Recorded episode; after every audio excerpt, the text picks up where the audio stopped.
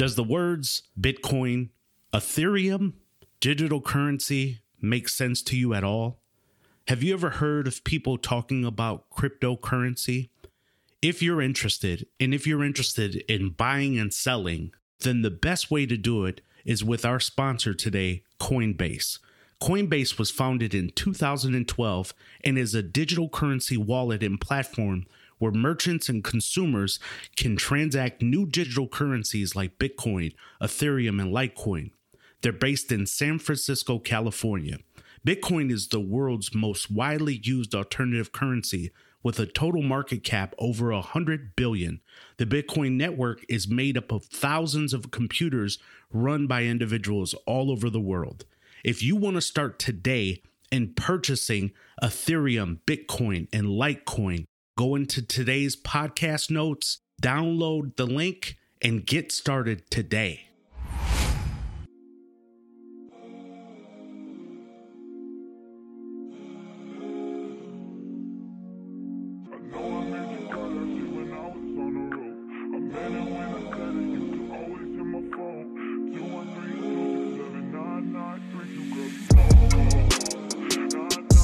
Hey guys, welcome back. I'm Priest Willis. This is the Marketplace Podcast, and this is episode number 80. Today I am joined with Kristen Hadeed, who imagines a world in which all organizations have cultures that empower people to keep climbing toward the best version of themselves every day. As the young leader of Student Maid, a successful cleaning company that hires students, Kristen has fostered a unique perspective on leadership organizational culture, and engaging the next generation. In October 2017, she published her first book, Permission to Screw Up, which we talk about, and she tells the stories of her biggest mistakes in leadership. She hopes to inspire other leaders to share their perfectly imperfections, stories of success to empower people with the knowledge that even if they screw up, they can still make it. Kristen and Student Maid have been featured in news outlets including PBS, Fox, Time, Forbes. She did a TED Talk. So I want you to listen in. We have a great conversation. We talk about her business, Student Maid. We get into her book, Permission to Screw Up, and she has some very valuable information around how she learned, how she screwed up, and built a business, a successful business in the cleaning industry with students, the millennial generation. I hope you enjoy this. Without further ado, here is Kristen Hadeed. Hi, Kristen. Welcome to the show. Hi. It's great having you on. I really appreciate you joining us. Why don't you tell the audience a little bit about yourself? Well, I am what you would probably call an accidental entrepreneur.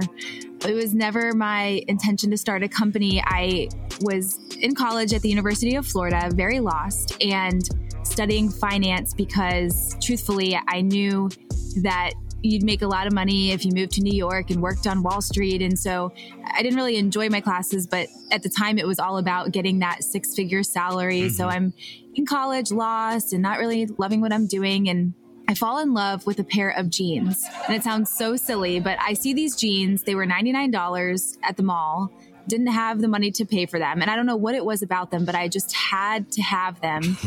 I knew that my parents would never ever give me the money to pay for them. And I was completely broke, as most college students are. So I thought, what is something I can do to make 99 bucks? And I decided to clean someone's house. I, I put an ad on Craigslist. A woman hired me, even though I didn't have any experience. It was a complete disaster. It took me seven hours to clean her house when I told her it would only take me two. And uh, that, you know, it, it didn't go well, but she wanted me to come back every week. And that's kind of how it started. So at the time, I thought this was just a great way to make money in school. You know, never in a million years did I think that I'd be standing here almost 10 years later saying that I'm in the cleaning business. But when you look back on your life and some of the things that you were involved in, you realize that there was an entrepreneurial spirit there, but you were just saying that you never really set out to be an entrepreneur. It was always kind of a chase for a dollar, but you realize eventually there was an entrepreneur within you, right? Right. Yeah. I grew up. I mean, my parents really fostered our creativity. I have a younger sister, and it was just anything we wanted to do. They never said that's impossible. You know, I remember being six years old and I wanted to have a babysitting service, and obviously no one's hiring a six year old to babysit anybody, but I made these flyers and my mom drove me all around town. We hung them up everywhere. I waited by the phone for someone to call. Of course, no one called. That was my childhood. You know, they never said, that's silly. No one's going to call. That's a waste of time. You know, they've really encouraged us to go for it. And I think when I wanted the jeans, my initial thought was, what's something I can do to make the money instead of let me go out and get a job and I think that has a lot to do with the way my parents raised my sister and I. How important is it for parents, even while you're in college? You're talking about being broke. I have two children in college. One is on a scholarship, another one is not. So they really feel that pressure of making some money in school. How supportive were your parents about doing stuff outside of school to kind of generate money and just let you foster your entrepreneurial spirit? My parents, they have um it's a really great balance. I, I call it tough love. Mm. The things that we absolutely need, the necessities, the things that affect our livelihood.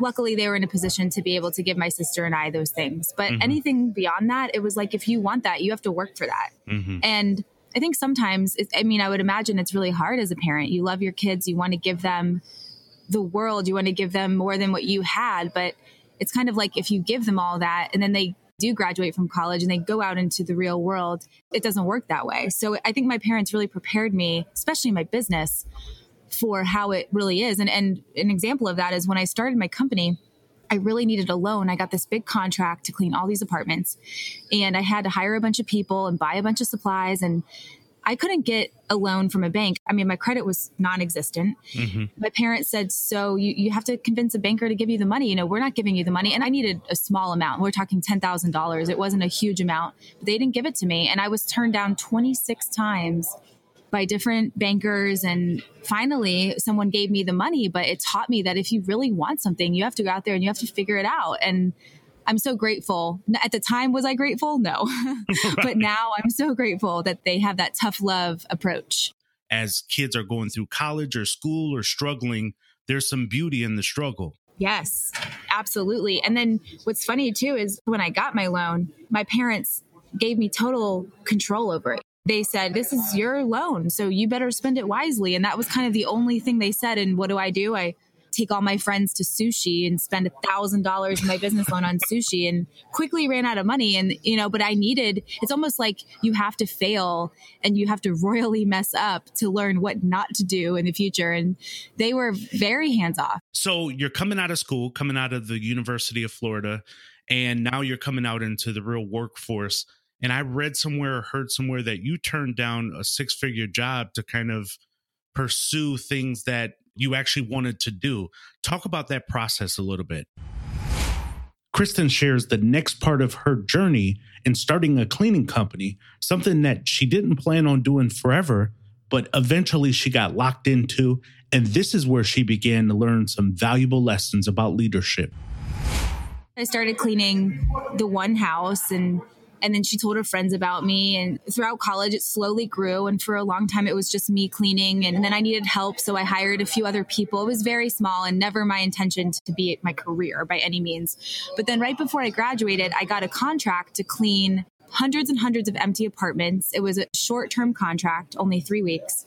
And I hired 60 people to handle the work, and they were all students. And there was this really defining moment that happened that summer I didn't have any experience came to leadership, you know, hardly any experience in running a business. And 45 of my 60 employees quit on me at the exact same time a couple days into that contract because while they were outside cleaning these filthy apartments, I was sitting in the air conditioned clubhouse not because I not because I thought I was better than them. I just truly didn't know what my role was as the leader. So that moment when they walked out on me, it made me obsessed with learning how to be a better leader and learning how to build a company that people really wanted to be a part of, even though cleaning was in the job description. And so after that moment, I was able to get them back and I became a different person. I mean, I really tried to learn about who they were and their names and what they were studying and what they wanted to do with their lives. And we became a family. And so when the contract ended, I didn't want my job to end. They didn't want their jobs to end. And at graduation, I got this call. It was a dream job I thought I wanted, but there wasn't any part of me that was excited And even though I would have made a lot of money and my company at the time wasn't hardly making any money because everything I made I had to put back into the business to give it a chance to succeed, there was just something about it that I knew I wanted to, to keep going with. And everyone around me, aside from my parents, were like, What are you doing? Cleaning? You know, are you kidding? You could have moved to Manhattan. But I knew it was the right decision. And I'm so glad that I trusted my gut and myself because I think oftentimes we're pressured to go after certain opportunities, maybe not because we're truly excited about them, but because we feel that that's the right choice. This is at the really, really main point why I wanted to talk to you because your story is really interesting. First of all, you're kind of tapping into a millennial generation of workers. They get written off a lot. People say that they're entitled and all that stuff. And obviously, I don't believe that. I have kids that are in their 20s. So I have a thought process about them and they need an opportunity to grow just like we did as Gen Xers and the baby boomers before us. Kristen and I get into an interesting conversation about millennials, who's also known as Generation Y. And her and I both agree that millennials get a bad rap in a lot of cases. Baby boomers, Generation X, Generation Z, whoever it is, all have opportunities to figure themselves out to discover themselves and it slowly unravels. It's like an onion that slowly peels itself back. And a lot of times, older people, baby boomers, my generation, Generation X, are so quick to judge and call this generation entitled or lazy.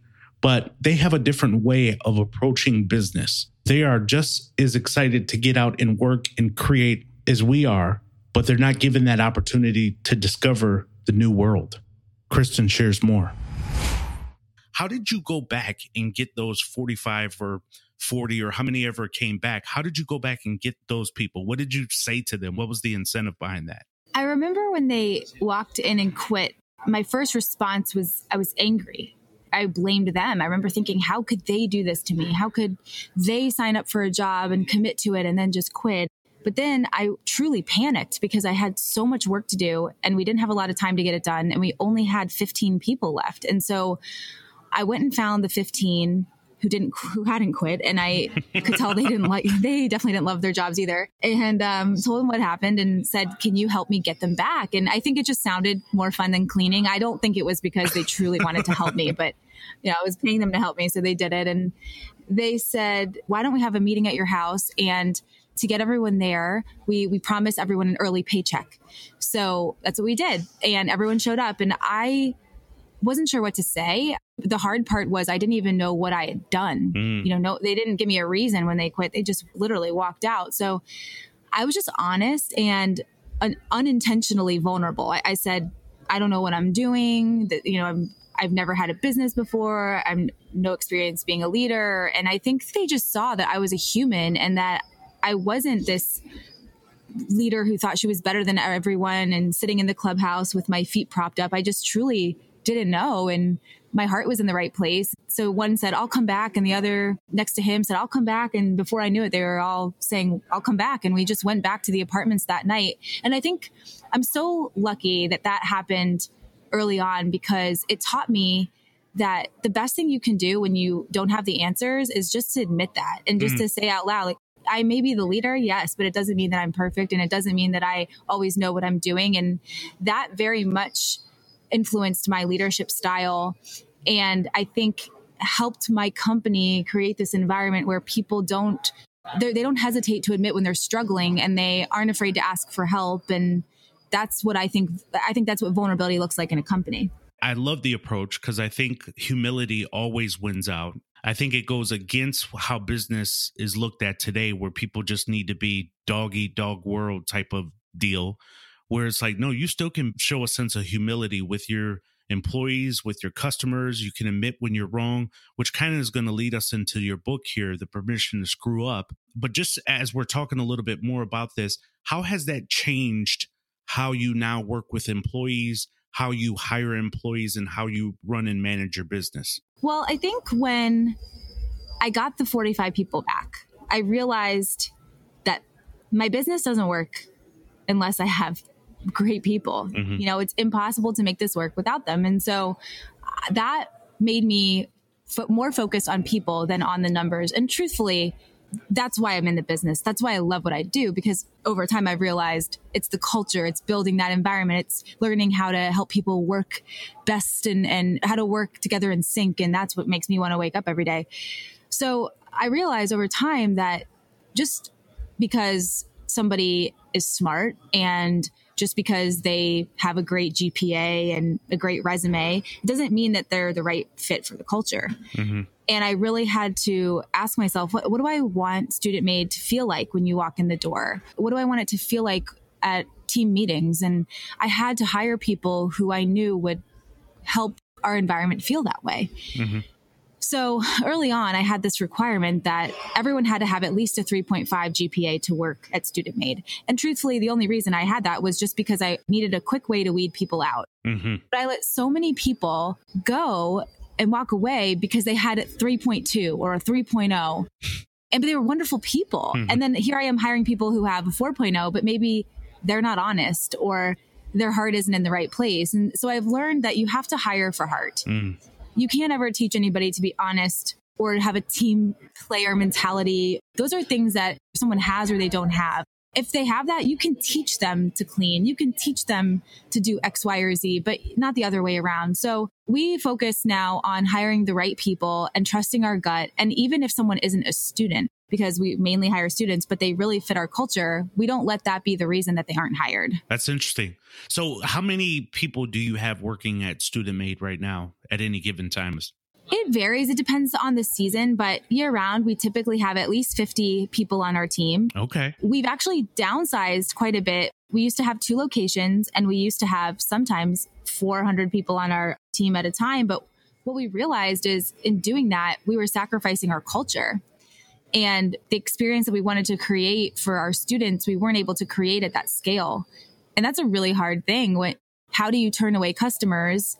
You know, you want to keep the culture that you love intact. And for us, the culture was more important. So we have chosen to keep it at a level where we know that we can deliver on the promise that we're making to our team members that this is the experience they will have. And it feels good. It feels really good. And you know what was so awesome is when we went to some of our customers who used to hire us for busy times and we would hire just a hundred people to serve only them, you know, they understood. Mm-hmm. They commended us for making such a hard choice.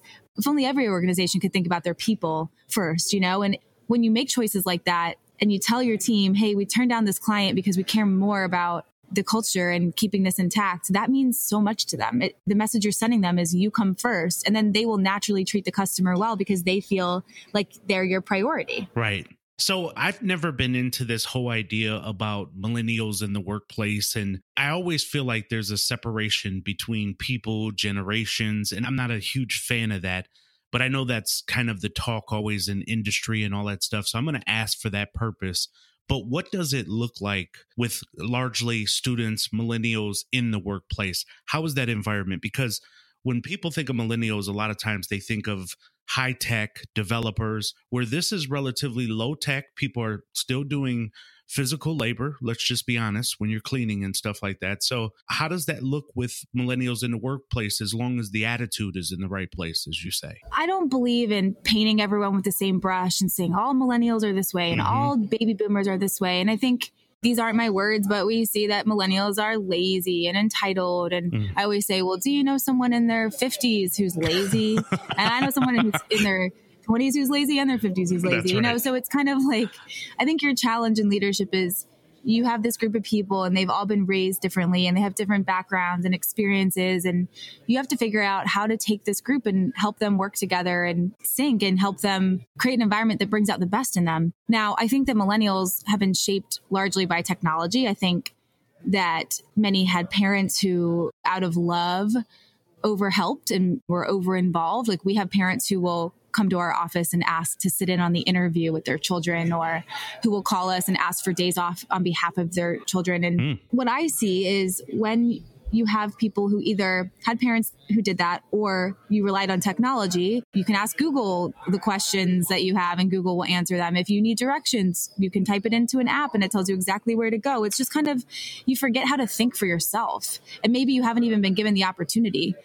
So we really try at Student Maid to teach our students to rely on themselves, to be independent, to trust their own abilities, which means that we allow people to mess up. Right. And we give them complete ownership of their when they have a challenge we say give us two solutions. And unless one of those is going to kill somebody we're like go do either one. They sound great. Even if one of them may not be the best because we need them to learn we need them to fail so that they can get back up again figure it out and then look back and say i did that and be more confident going forward. Just like when i messed up and spent my $1000 on sushi you know i learned never to do that again and got better at managing money. And so i think many organizations what's sad is they say well we're not hiring millennials because it's too much work you know this and that. But really it's just like any human being in any generation, there's amazing potential. They're extremely capable. We just have to think about the technology and the effects of the over involved parents and help them believe in themselves and help them become independent. So, this is why I really appreciate your book because you've learned a lot of lessons since starting your business, being involved in your business, working with a generation that so many people have opinions on. So, this is the book, Permission to Screw Up How I Learned to Lead by Doing Almost Everything Wrong. And you've shared some examples of doing a lot of things wrong that is. Yeah. Well talk about the motivation for now kind of switching hats from being a CEO of a company here, and now you're becoming an author and almost having to pull from within yourself to kind of admit, hey, I kind of messed up almost everything when I started my business.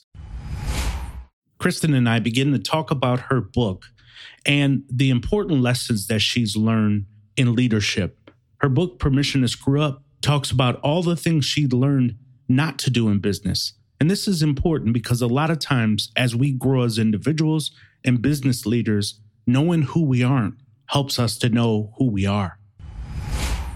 Maybe five years ago, I started getting asked to speak about millennials and speak about how do you create a culture where people really want to be? Because i think what's interesting about Student Maid is here we are in the most unglamorous industry doing work that is you know literally someone else's dirty work but mm-hmm. yet people really want to be a part of what we're doing. So i started speaking about that and through that i met my wonderful publisher and when he said i want you to write a book i was really lost. I didn't know what to write about and I started writing about millennials, and then I realized that everything I wrote about really applied to all human beings and all generations. So I threw that away. And then I just started talking about all the things I spoke about, which honestly was success. It was all the things we did great our amazing culture, our retention rate, our this, our that. And when I read back through it, it, it just felt empty. And I went to dinner with a friend who said, who's written several books, and he said to me, in my experience, you know you're writing the right book if it's really hard to write. So I thought about that and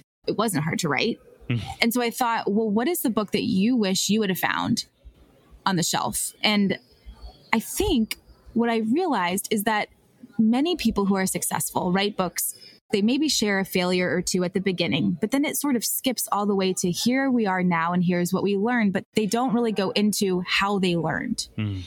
And not that these books are wonderful and you can glean so many things from them. But I just wanted to write that part. You know, how did I learn these lessons? What happened in that middle part?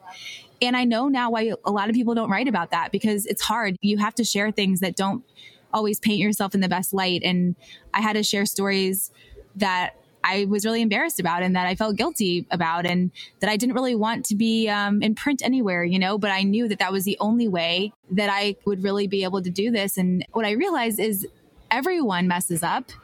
No one is perfect. We just have to get comfortable talking about that more. And we put a lot of pressure on, especially when we're in a position of leadership, on ourselves because we think, well, we have to make people feel safe and secure. And like, you know, when they work with us, that they're joining this vision of success. But the reality is, no one trusts anyone who pretends to be perfect all the time.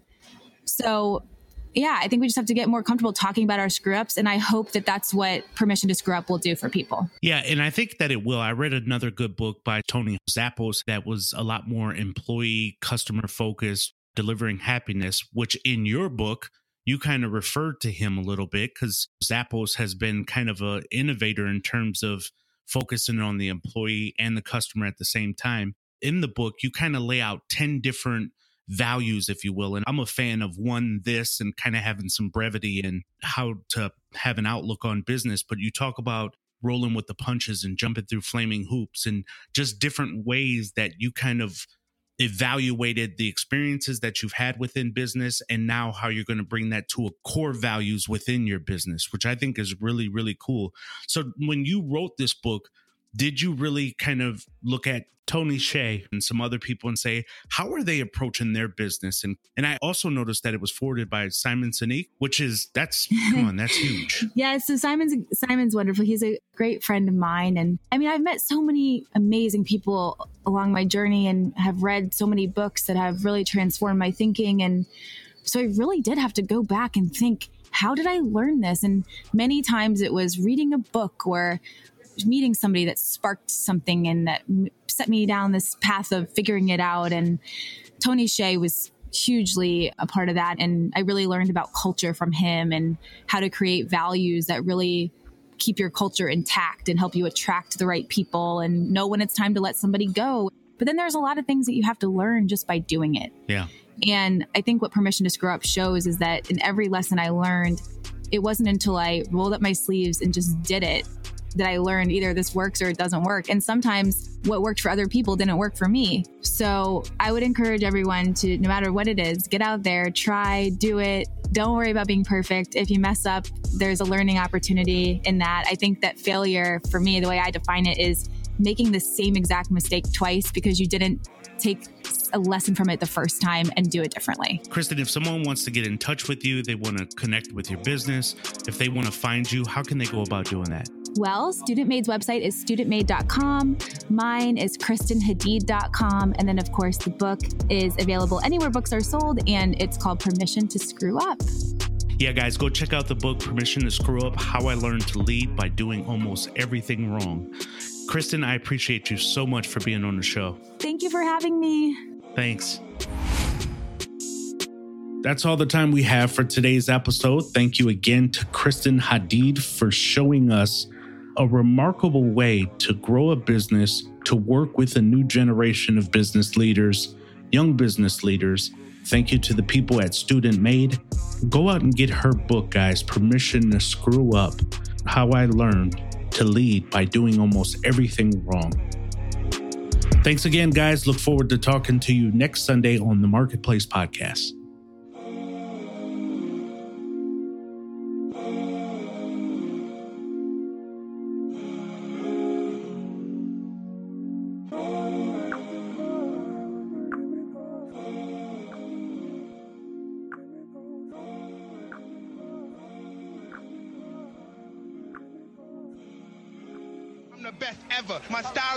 Impetuous. My defense is impregnable. And I'm just ferocious.